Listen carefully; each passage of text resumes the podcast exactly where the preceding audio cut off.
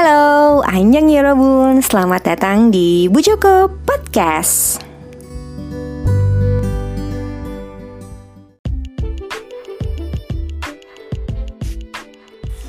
Iya bun, selamat datang kembali di Bu Joko Podcast. Di episode kali ini gue akan membahas sebuah drama atau mereview sebuah drama yang lagi banyak banget diobrolin di lini masa.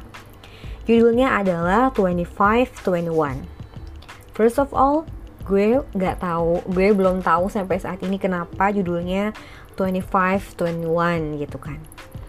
Tapi um, kita kenalan dulu aja sama case-nya karena menurut gue drama ini juga drama yang menghibur banget khususnya buat uh, gue pribadi ya yang kayak nggak bisa ke mana-mana nih karena uh, kasus lagi naik kita hiburannya apaan gitu kan selain Korean drama gitu.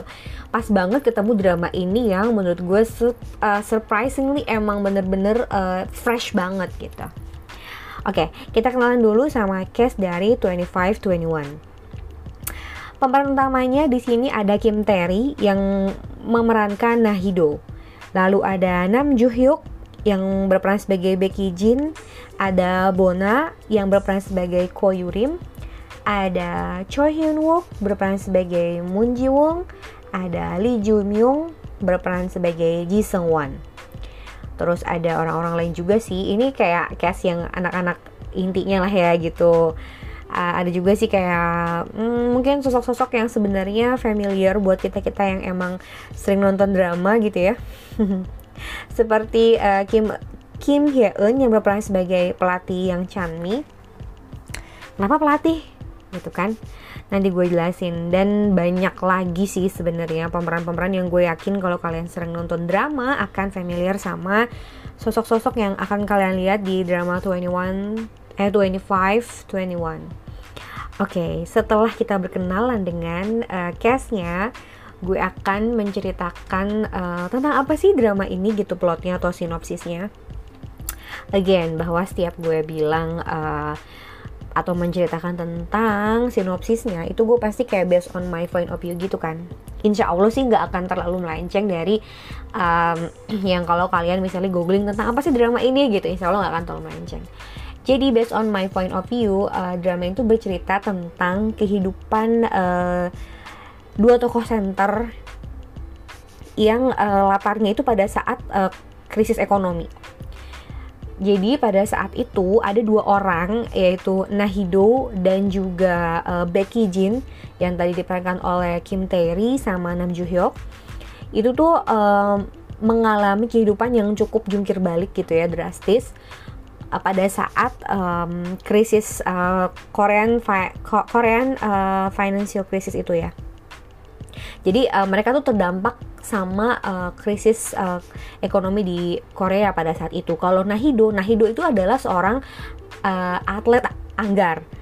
Ya, jadi dia tuh atlet anggar dan uh, dia tuh terimbasnya gimana? Terimbasnya karena pada saat itu Korea krisis dan uh, yang namanya eskul anggar itu kan dapat sumbangan dari uang-uang uh, orang tua murid orang tua murid gitu ya. Kayak apa sih kalau kita mungkin komite sekolah gitu ya.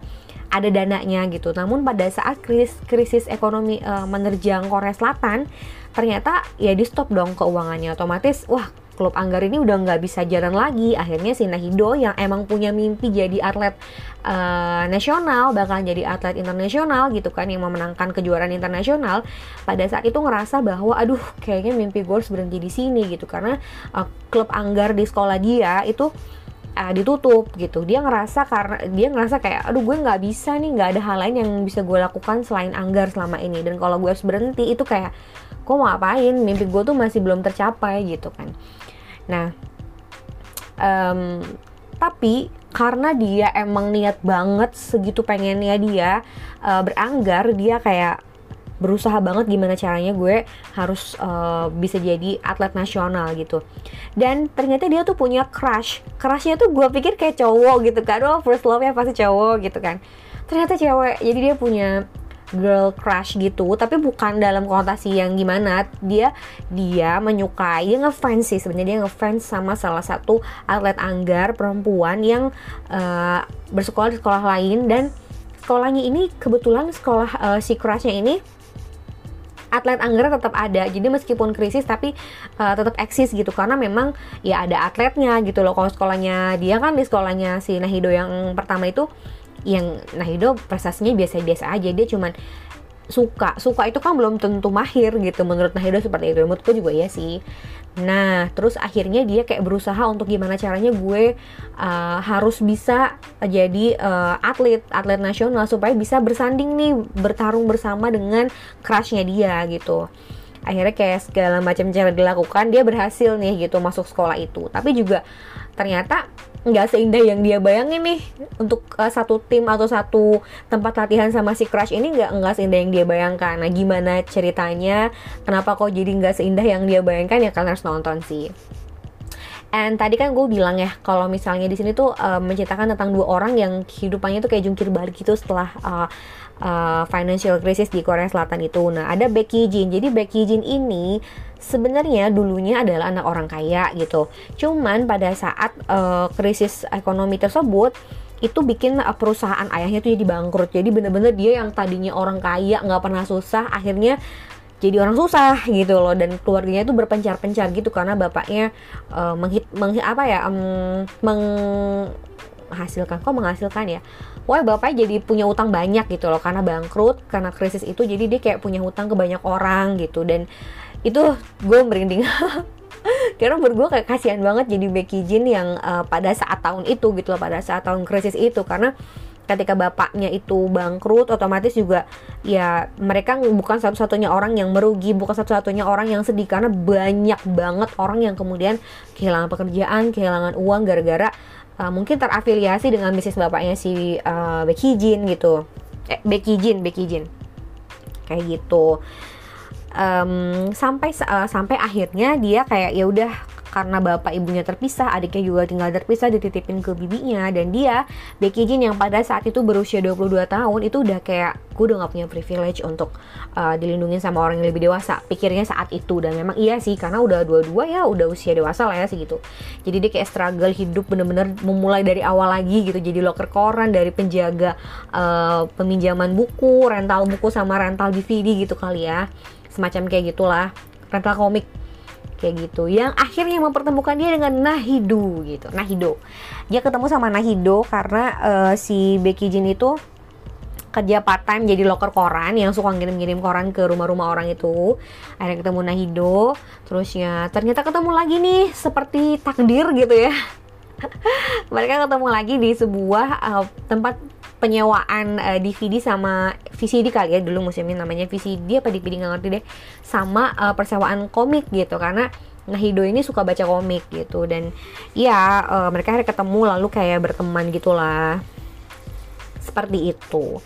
Nah, karena drama ini merupakan drama yang paling banyak dibicarakan di lini masa sih, jadi kayak banyak muncul teori-teori tentang gimana sih kelanjutan kapalnya Becky Jin dan juga Hido gitu ketika dewasa nanti. Karena kan uh, itu ceritanya pada saat itu um, jadi kayak sampai episode 4 ini emang banyaknya tuh kayak uh, apa namanya scene ketika mereka berusia si Jin usianya 25, Becky Jin usia 25, eh 22, sorry. Dan si Nahido itu berusia 18 waktu itu karena Nahidonya masih SMA nah uh, itu kayak jadinya tuh banyak teori-teori di lini masa tuh kayak ini gimana ya pas udah gedenya jangan-jangan mereka begini jangan mereka begini. Yang menurut gue sih sebenarnya ya bebas-bebas aja orang mau berpendapat menuangkan pemikirannya sendiri. Itu nggak apa-apa. Tapi gue pribadi sih kayak lebih seneng ngalir aja ngikutin plotnya gitu loh tanpa harus overthinking gitu karena emang iya jadi sebenarnya di episode 3 tuh ada yang bikin overthinking cuman gue kayak langsung nyetop stop stop stop gitu sama otak gue sendiri bahwa itu kayak ini kan romcom kenapa gue harus pusing-pusing? Udah nanti juga ketemu gitu kan. Kayak gitu. Tapi ya nggak apa-apa kalau emang kalian tipenya yang seneng berteori mah nggak masalah. Berteori aja. Kali aja bener ya kan Nah, gue sih lebih memilih untuk ya udah menikmati aja gitu, menikmati kegemes-gemesan uh, dan segarnya kisahnya Yijin dan juga Hido gitu. Entah mereka nantinya pacaran atau enggak, gue nggak tahu karena ini baru episode 4 juga gitu. Ataukah nanti akan sad ending nggak ngerti. Pokoknya gue bener-bener hanya uh, mereview apa yang terjadi sampai episode 4 gitu. Karena gue nggak tahan ini seru banget. Jadi gue tuh pengen buru-buru nge-review, pengen ngajak kalian Yorobun yang belum nonton, yuk nonton karena ini bener-bener drama seru banget gitu. Nah, yang bikin gue juga kemudian jadi uh, apa ya seneng banget sama drama ini karena aktingnya si Kim Tae-ri yang memerankan Hido itu bener-bener bagus gitu loh. Gue tuh to be honest baru nonton uh, Kim Tae-ri itu cuma dua kali. Dan itu pun di, bukan di drama ya yang pertama. Yang pertama tuh gue nontonnya di uh, Space Sweeper. Di Space Sweeper itu dia main sama Sung Joong Ki kan di film. Itu kayak sosoknya tuh emang udah kayak savage gitu kan wah keren deh gitu sebagai uh, ketua up, kepala apa gitu ya dulu gue lupa. Pokoknya dia kayak leadernya si Sung Joong Ki juga gitu pada saat kalau nggak salah ya di, di Space Sweeper itu pokoknya sosok yang powerful gitu perempuan yang powerful. Itu udah keren. Tapi karena film jadi kayak scene nggak terlalu banyak gitu loh. Nah pas nonton di sini gue kayak ah gila keren banget gitu Kim Tae gue kayak dia asli sih kocak banget. Kalau gue bilang sih dia di drama ini tuh kayak uh, macem-macem ya nano-nano gitu emosi yang kemudian keluar ketika nonton ini. Ada seneng, lucu, ngakak, marah dan juga sedih gitu loh kayak eh ini drama bener-bener mempermainkan perasaan gue sih gitu. Tapi dengan cara yang menyenangkan gitu loh. Terus um, pada saat drama ini baru keluar gitu gue kan bukan yang nonton langsung dari episode 1 langsung pada saat drama ini baru tayang enggak gitu. Karena gue kayak masih ngeliat-liat gitu kan gimana sih responnya orang-orang gitu kan terhadap drama ini gitu. Nah pada saat drama ini baru keluar kayak banyak banget komentar negatif tentang aktingnya Nam Jo Hyuk. Katanya kebanting sama Kim Tae gue kayak hah? Hah? Gitu kan. Terus gue nonton kan gue kayak hah nggak salah dibilanginnya si Juyuk ini kebanting sama Kim Terry seakan-akan gitu kan bahwa di sini yang bagus cuman Kim Terry doang gitu. Gue yang nonton yang gue akhirnya nonton gitu. Setelah ribut-ribut tuh gue nonton terus gue kayak nggak salah nih si Juyuk dibilang kebanting. Menurut gue sih ya Juyuk ini di sini udah way better deh.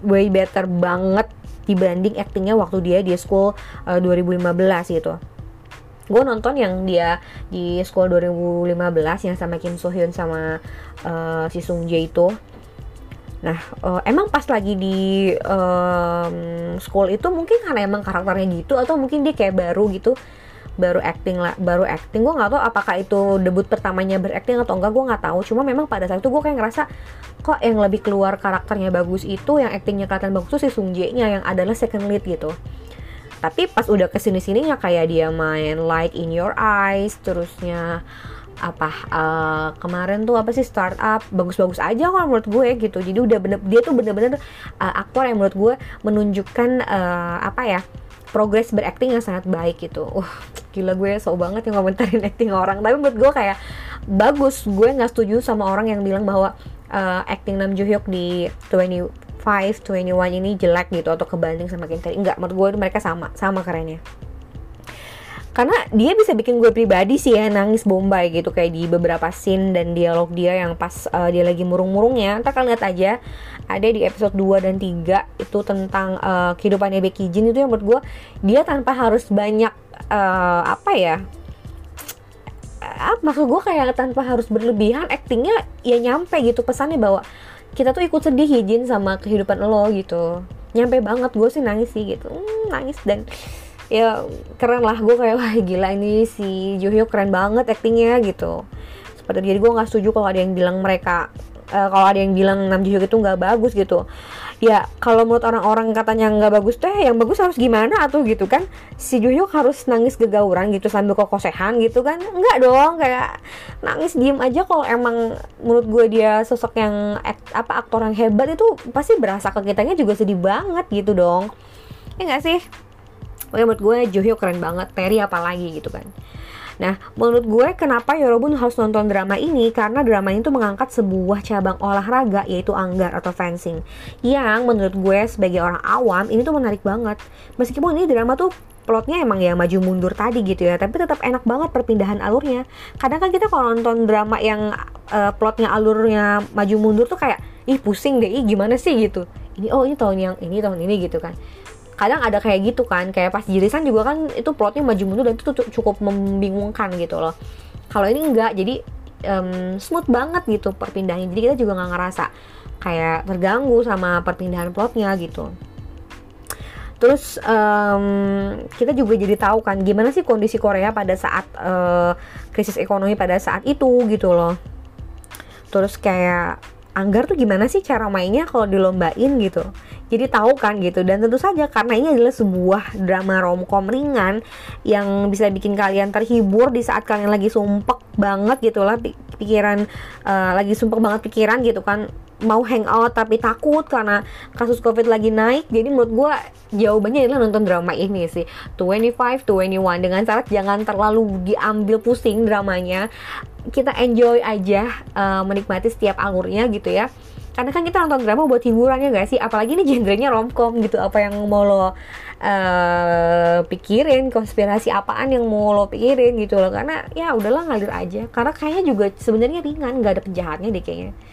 Kalau misalnya dramanya genrenya thriller sih gue kayak ya nggak apa-apa. Gue juga kadang suka punya teori-teori sendiri kalau misalnya thriller gitu ya. Namanya kan kita tebak-tebakan ya. Kalau ini kita kayak ya udahlah jadi gue sempet baca juga ada beberapa yang kemudian katanya aduh gue takut nonton uh, drama yang uh, latarnya tuh kayak tahun 98 gitu atau tahun ya pokoknya bukan masa kini gitu. Uh, takut kayak replay lah apa. Terus gue kayak ya nggak boleh sih maksud gue kayak ya jangan sampai ketakutan gitu juga tuh trauma atau gimana. Memang itu hak haknya kalian gitu cuma menurut gue kayak uh, mungkin dicoba dulu aja gitu ya. Dan juga ekspektasinya mungkin jangan terlalu terlalu tinggi ya terhadap drama ini bahwa gue maunya happy ending gitu. Sementara ternyata misalnya misalnya sama penulis dibikin kayak sad ending gitu. Gue ngerti kecewa tapi kayak maksudnya ya udah sih kan toh tujuan kita buat nonton drama tuh untuk hiburan gitu.